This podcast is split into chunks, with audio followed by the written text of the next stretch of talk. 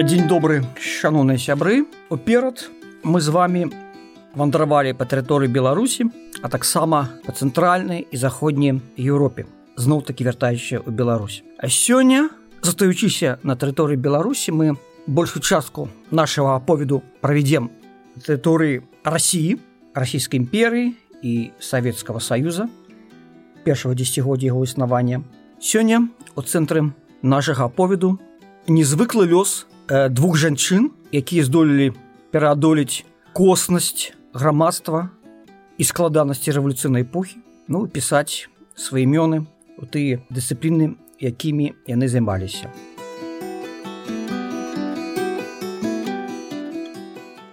Гэты две жанчыны паходзяць з роду гідроцю тут ну, адзін такіх э, даўніх э, літоўскіх родаў на нашай э, тэрыторыі сувязь э, з радзімай іх продкаў была для іх таксама вельмі важна.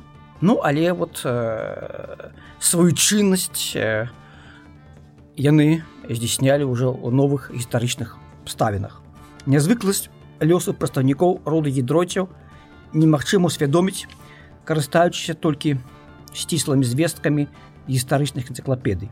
У нашай гісторыі был кароткі перыяд калі продкі гэтага роду а менавіта роду тройдзеня. Адлюстраваны у позніх генеалагічных легендах як родкі таўраса альбо гіпацэнтаўра. Такі герб нават шляхецкі і таксама князскі існаваў. І гэты род панаваў у літве да роду калюмну то бок да прыхода да ўладу дынастыю едымінавічу ужо у 16 стагоддзі род гідройцяў моцна разгалінаваўся і некаторыя прадстаўнікі яго страцілі князькі тытул. Самы ж моцны удар па гэтым родзе быў нанесены ўжо ў 19 стагоддзі. Калі нашчадкі старажытнай ліцвінскай дынастыі ўзялі ўдзел у напалёнаўскіх войнах і ва ўсіх паўстаннях на тэрыторыі было рэчы паспалітай. У выніку гэтага многія з гідроці былі пазбаўлены не толькі князскіх тытулаў, але і шляхецкай годнасці. Іхнія землі былі сканфіскаваныя, а самі яны высланыя ў архангельск, чыту ці іркутска пасля заканчэння ссылкі ім не дазвалялася вяртацца на радзіму а сем'і паўстанцаў і надалей заставаліся под наглядам паліцыі Аднак як толькі ў канцы 19 пачатку два стагоддзя расія стала крыху больш ліберальнай гідройці скарысталіся зноў сітуацыі ну і зусім не кепска адаптаваліся да умову бюрократычнай сістэмы расійскай імперыі Хоць у 19 стагоддзе род гідроцяў аказаўся расцярушаным, ён що ж такі здолеў вылучыць сябе выбітых прадстаўнікаў навукі, літаратуры і палітыкі. Гэта не толькі знакаміты рэдатар ежгідроць мінчане з нараджэння. Лёс ягоных далёкіх сваячак, князёвін веры і раісы таксама здольны здзівіць нават не вельмі уражліва чытача. Такім чынам, першая наша гераіня, Вера гідроць ці якія называлі жорж санд медицины вера гідроць мела ўсе шансы атрымаць класічную хатняе выхаванне шляхецкіх сядзібаў замест гэтага і жыццё было напоўнена экзотыкай а тое і выклікамі грамадства нават калі ўспрымаць гэта з пунктуглежня нашего часу. Бацька веры ігнат гідроць амаль подлеткам узяў удзел паўстане 1863-64 гадоў пасля гэтага ён вымушан был пакінуць тэрыторыю беларусі а каталіцкай шляхце у той час было забаронена набываць землю на тэрыторыі было великкаго княства літоўскага Таму ігнат гідроч здолел асесці толькі ў рассіі ажаніўшыся на дачцы абруселага немца памеччыка дарый константиновне міхал менавіта там у маёнку слабадзіща арлоўска губерні у 1870 годзе у яго нарадзіўся сын Сергей і дачка вера Адукацыя у веры гідроць з пазнейшай перспектывы была не зусім ардынарнай. У бранскай прагімназіі яе выкладал Васіль Розанаў, эгацэнтрык і містычны пансексуаліст, які пасля стал вядомым рэлігійным філосафам. Але маладосць князёўны несла на сябе адбітак эпохі, прыхільнасць далевых ідэй і агульны настрой на ідэю эмансіпацыі жанчын. За сатарычны верш яе выключылі з гімназіі ў арле Пазней у санкт-петербургу вера гідроць записывается на медицинскія спецыяльнасці вышэйшых курсаў Петра лесгафта. якія афіцыйна называліся курсамі выхавальніц і кіраўніц фізічнага выхавання. Наведваючы студэнцкі рэвалюцыйны гурток, яна трапіла ў поле зроку паліцыі і ў 1893 годзе была выслана ў маёнтак бацькі пад нагляд паліцыі. Ну і каб выйсці з гэтага адміністрацыйна амежавальнага кола у 1894 годзе вера ведройць фіктыўна уступіла ў шлюб з расійскім афіцерам мікалаем белазёравым і з новым пашпартам патаемна выехала за мяжу. У лазане малдая князёна поступила на медыцынскі факультэт мясцовага універсітэту як высветлілася менавіта медицина была яе пакліканне яна навучалася у вядомых хірурга цезара ру і пасля заканчэння універсітэту некалькі гадоў э, працавала ягоным асістэнтам а потым на пасадзе прывадацэнта чытала уласныя спецкурсы але бунтарскі ліцвінскі дух веры гідроць і сімпатыі далевых ідэй ператварэння грамадства не абяцалі гэтай жанчыне жыццёвай стабільнасці хоць як феміністка яна мала пачувацца вельмі запатрабаванай у швейцарыі і увогуле у той Еўропе якая існавала на мяжы стагоддзя. Аднак сямейныя справы прымусілі вер вярнуцца ў расійскую імперыю, там памірае яе сестра і хворы бацька попрасіл сваю другую дачку прыехаць да сям'і. Пасля вяртання у 1900 годзе у Расію Вера гідроць у 1902 годзе пацвярджае свой дыплом у маскоўскім універсітэце і пачынае працаваць лекарам. Да неафіцыйнага тытулу адной з першых жанчын-хірургаў у Еўропе яна дадала азначэнне першай жанчыны-хірург у рассіі. У берагі дроць былі безумоўныя заслугі перад расійскай сістэмы аховы здароўя. Працуючы ў правінцыйных шпіталях у калускай губерні, яна ператварыла іх у шматпрофільныя хірургічныя цэнтры. Калі ж падчас руска-японскай вайны верагідроць палінь чароўнага крыжа накіравалася на фронт, то яна адной з першых у гісторыі медыцыны пачала рабіць у палявых умовах поласныя аперацыі. Но трэба сказаць, што да гэтага жанераў параненых у жывот просто пакідалі паміраць, бо такія раны лічыліся безнадзейнымі. Доктор гідроць стала медыйнай фігурай. Пре актыўна пісалі у расійскай прэсе. выніку чаго гэтая жанчына была заўважана царскім дваром. Тады ж вера гідроць скасавала свой фіктыўны шлюб і ў 1907 годзе афіцыйна вярнула сябе тытул князёўны ды дзявочы прозвішча прозвішча сваіх продкаў. У 1909 годзе князёўна гідроць атрымала запрашэнне імператрыцы заняць пасаду старэйшага ардынатара старска-сельскага палацава шпіталя і зарабілася хатнім лекарам дзяцей цара.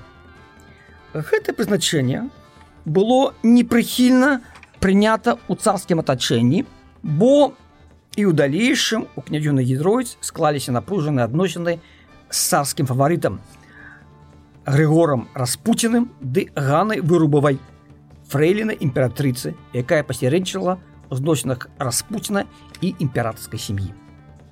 Падобна, што да гэтага спрычыніліся не толькі ідэйна-палітычныя разыходжанні. Як паказваюць яе медыцынскія зацікаўленасці і апублікаваныя ўспаміны, Вера гідроіц сама адчувала сябе мужчынай. У гэтым сэнсе у яе было больш падставаў грэбаваць распуціным. У 1912 годзе князёня Вера атрымала чарговы ступень у медыцынскай іерархіі. Пры маскоўскім універсітэце яна паспяхова абараніла сваю працу на ступень доктара медыцыны. Яе дысертацыя мела назву аддаленыя вынікі аперацыі пахвенных грыж.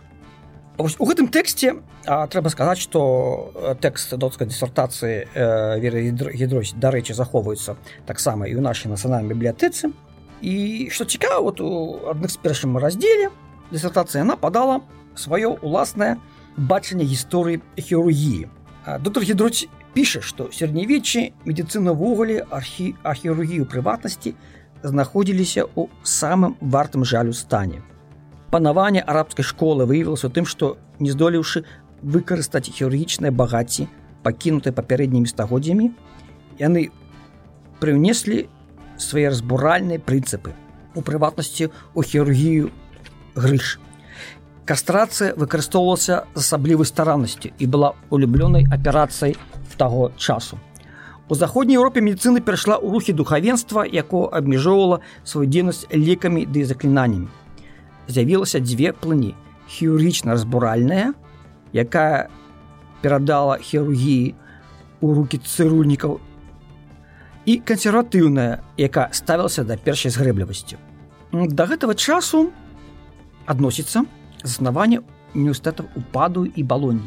Варужаць паміж гэтымі аператыўшчыкамі, цырульнікамі і вучонымі лекарамі павялічылася. Апошнія занятыя галоўным чынам тэарэтычнымі дыспутамі, адуючы аперацыю невукам.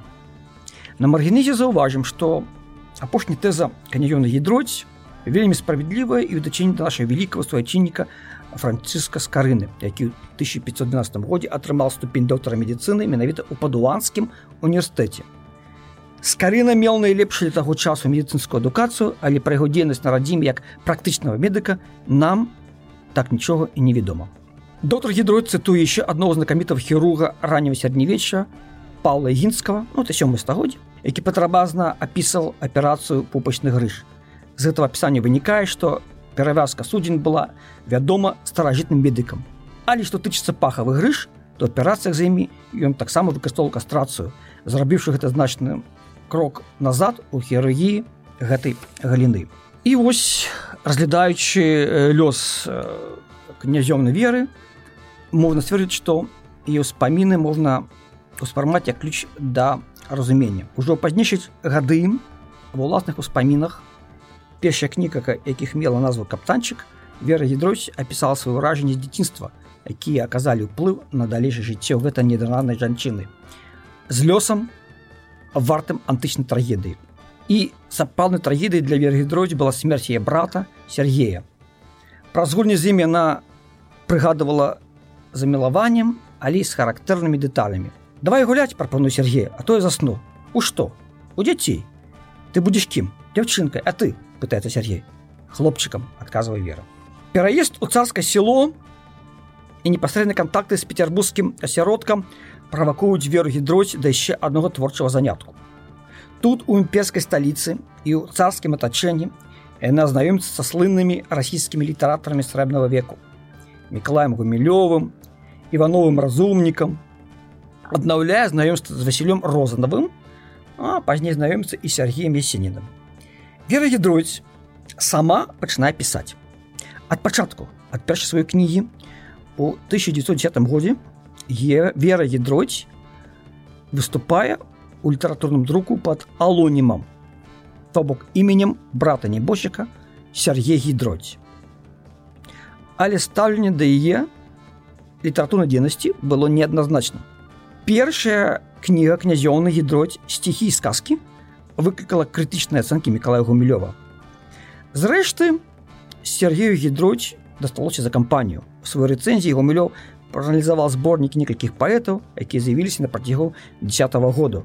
Фёдора Салагуба, Сергея Салав'ёва, Миколая Морозова, Миколая Бранта і Сергея Гідроці.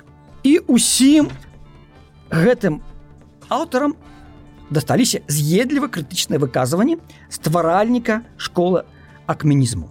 У сваёй рэцэнзіі гомілёў рытарычна запытваецца: Але навошта пішуць не паэты, навошта піша напрыклад Сергей гідроць ну а заканчивая свой тэкст гумілёв здзеклівай фразай у кнізе ўсе карцінкі такі ж непатрэбныя і бесколерныя як і верш але князёўня хірург засталася у баемным коле расійскіх літаратараў і прыняла прапанову таго ж гумілёва увайсці ў створаны ім цех паэтаў пад гіда якого выходзілі наступныя кнігі веры гідроць першая сусветная вайна заспела доктара гідроць на пасадзе галоўнага лекара царкасельскага палацавы шпіталя.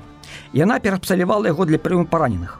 Працы хірургам вельмі дадалося і доктор гідроць навучала рамяству медыцынскіх сясцёр імператрыцу Александру і едачок Волгу і татяну. Пасля яны былі асістэнткамі доктара гідроць пры аперацыях. У тым ліку з разліку на такіх вучаніц герва гідроць выдае у гэты час падручнік размовы пра хірургію для сёстраў і лекараў. Пасля алютарскай рэвалюцыі 1917 году на доктара Гідроць як на асобу набліжаную татарскай сям'і пачынаецца ціск новых уладаў і камісараў часовага ўраду. У маі 17 -го года доктор Гідроць назаўсёды пакідае царскае село і скіроўваецца на фронт. Пасля ранення яна апынаецца ў ківе менавіта з гэтым городам быў звязаны я далейшы лёс. У 23 годзе яна зарабілася прафесарам медыцыны, а ў 29 была абрана загадчыцай кафедры на факультэце хірургіі кіевскага медыцынскага інстытута. Але жыццё савецкіх падданых не магло тады развівацца стабільна, асабліва калі яны належалі да інтэлігенцыі. У 1930 годзе у рамках працэсу саюза вызвалення Украіны украінскаму аналогу працэсу супраць саюза вызвалення Беларусі Вера гідроць была звольнена з універсітэту без права на пенсію. Ну і гэта ж перыяд адзначаны такім непростым асабістым жыццём. апошнія гады верагідроць э, пражыла ў ківе разам з графіні э, Марыі Нірат, з якой яны стварылі фактычна сям'ю. У 1920-х годах такое было еще цалкам рэальна. Бо той час савецкая ўлада взяла курс на ліквідацыю шлюбу як грамадскага інстытута і талеравала альтэрнатыўныя яму формы э, сужыцця. Выглядае, што князёна гідроць імкнулся да падобнай ролі даўно. Таму ее так і раздражнялі непачасаныя валасы распуціна і ягоны брутальныя паводзіны. Яна бачыла саму сябе мужчыны лепшы за яго. Еще да вайны перыяд яе празвалі Жорж Сант царского села. Бо вера від гідроць, як і французская раманістка, мела падкрэслена мужчынскія звычкі ў вопратцы і ў побыце. Толькі ў 1992 годзе был публікаваны спаміну пра веры гідроць, якія належалі і і кіевскому знаёмай э, мастачцы Ірыне Аўдзеевай. Апошняя прыгадывала каларытную асобу прафесара хірургіі. Э, цтуем, вялікая, трохі грузная, яна апраналася па-мужчынскі. Насіла пінжак і гальштук. Мужчынскі капелюшы, футры з бабровым камняром. Стрэлася коротка. Да яе росту рукі ногі ў былі замалыя, але на дзіва прыгожыя. Рысы твару сухаватыя і занадта тонкія для грузнай фігуры падчас усмешкі маладзелі. Яшчэ Аўдзеева пісала, што тварам веры ядроць была падобная на французского абата, а пра сябе яна казала ў мужчынскім родзе. Я пайшоў, я аперировал, я сказал. Дзеці Марыі Нірат, які жылі разам з імі, адчувалі непрыхільнасць да веры гідроць, бо цытата іхняя маці моцна паграждала мацерынскімі абавязкамі аддаючы ўсе свае думкі і час гідроці медычнай справе а яна была у веры ігнатнай хірурычнасці сястрой і справам царкоўным у апошнія гады свайго жыцця вера гідроць пісала шмат артыкулаў пра рак.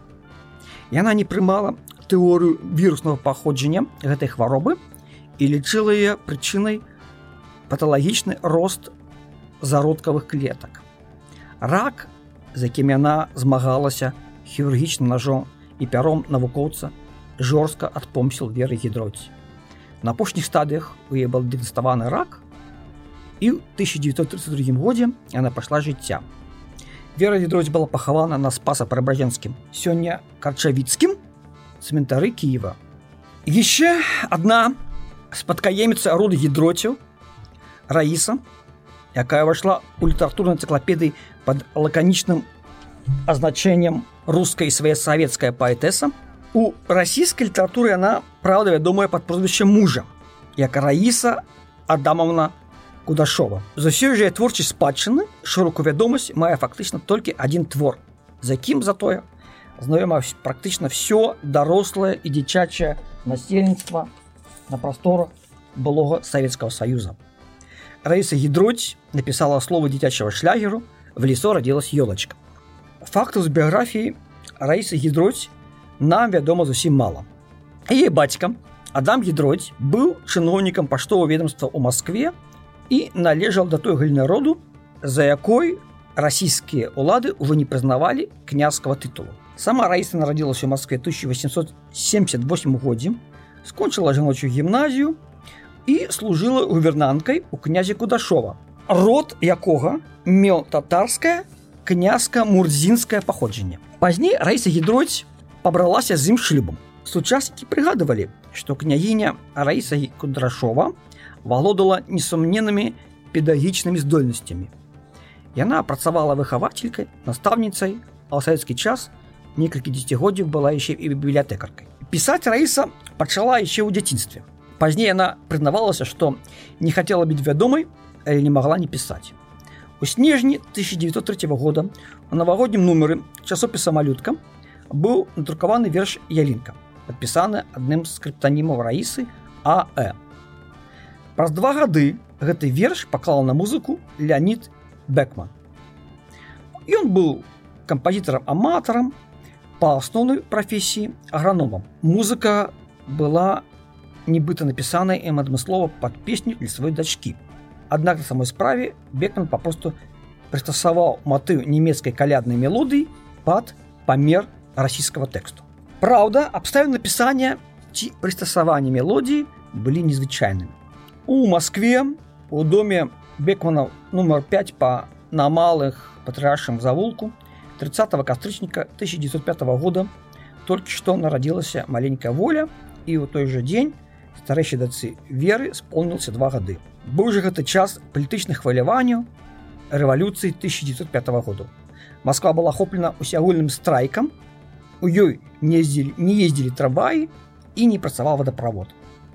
У снежні з'явіліся барыкады, на якія знеслі і браму дома бекману. На паддашку ж гэтага дома прафсаюз булачнікаў прыхоўваў зброю. Бегчы з маленькімі дзецьмі з паралізаванага городу не было куды, а так як кулі маглі патрапіць у вокны, то сям'я ацежвалася ва ўнутраных пакоях. У такой крытычнай сітуацыі галава сям'і і вырашыла напісаць песню для ўласных дзяцей, каб нечым ацягнуць іх увагу ад крытычнага навакольнага становішча. Нотнай грамотай сам Бекман не валодал, таму ноты запісала ягоная жонка. Так з'явілася песня в лесу радзілась ёлачка. Першапачатковы тэкст верша кудашовай складаўся з 56 радкоў. Але дзеля напісання песні ён быў скарочаны. Фактычна для іх былі пакінуты толькі цэнтральная частка верша. У той час як пачатак і заканчэнне былі прыбраныя. Усё ж такі нягледзячы на гэта словы песні гэта менавіта верш раісы кудашовай з апісаннем хараства лясной ялінкі і фінальнай сцэны з высяканнем мужичкоў ялінкі пад корань і радасці дзяцей вакол каляднага упрыгожання. Простая песенка паступова стала вельмі папулярнай. Аднак сама аўтарка даведалась, што і верш быў пакладзен на ноты даволі позна, толькі ў 1921 годзе. Зусім выпадкова у цягніку Раіса Кудашова пачула, як дзяўчынка спявае яе ялінку.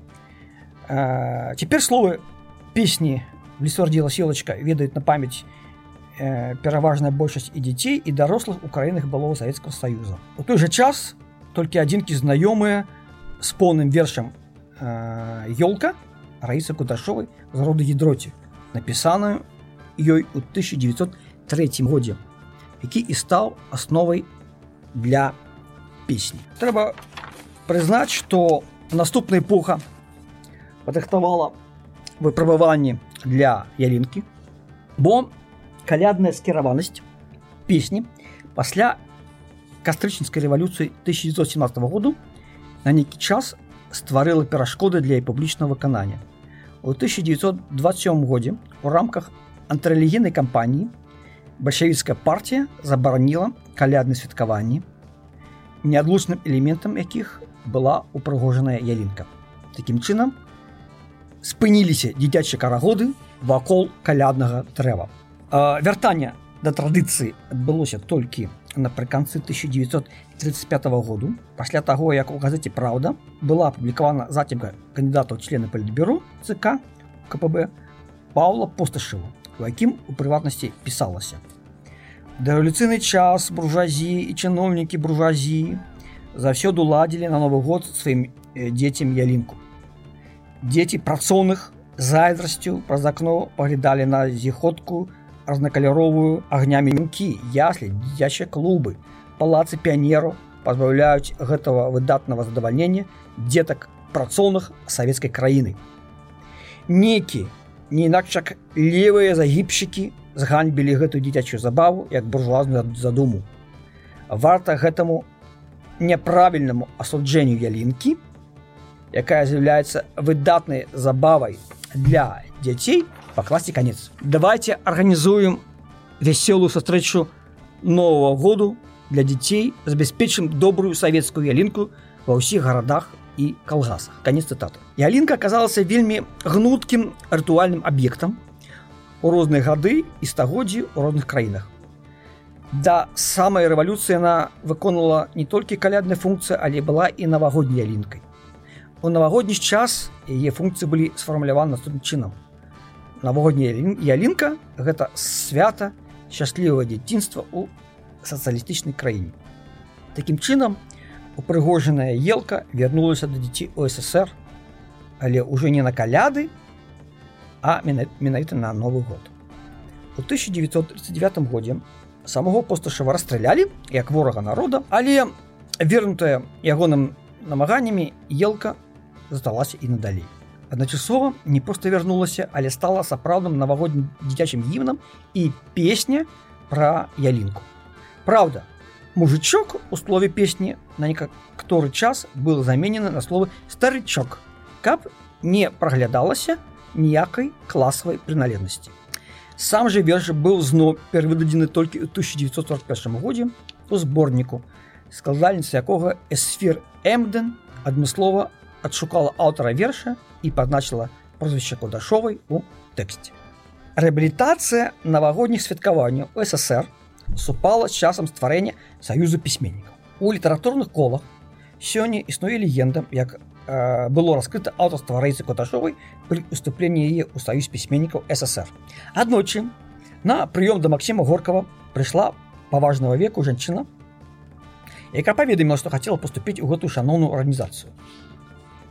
Калі ж стваральнік саюза пісьменнікаў э, ён пацікавіўся, што ж напісала наведніца ягонага кабінету то пачуло адказ толькі танюткі дзіцячыя кніжкі у адказ горкі сказаў што саюз прымаюць толькі сур'ёзных аўтараў якія маюць раманы і аповесці не дык не заважыла кабета скіраваўся да выхаду але потым абярнуўшыся запыталася можа вы чулі хаця б адзін мой верш і прачытала знакамітыя словы в лесу родила селочка в лесу она росла зіму там стройна зеленая была Легенда сцвярджае, што пачуўшы знакамітыя радкі, горкі ту ж хвіліну прыняў раісу кудашову у сябры саюза пісьменнікаў, што ў той час давала немалыя прывілеі.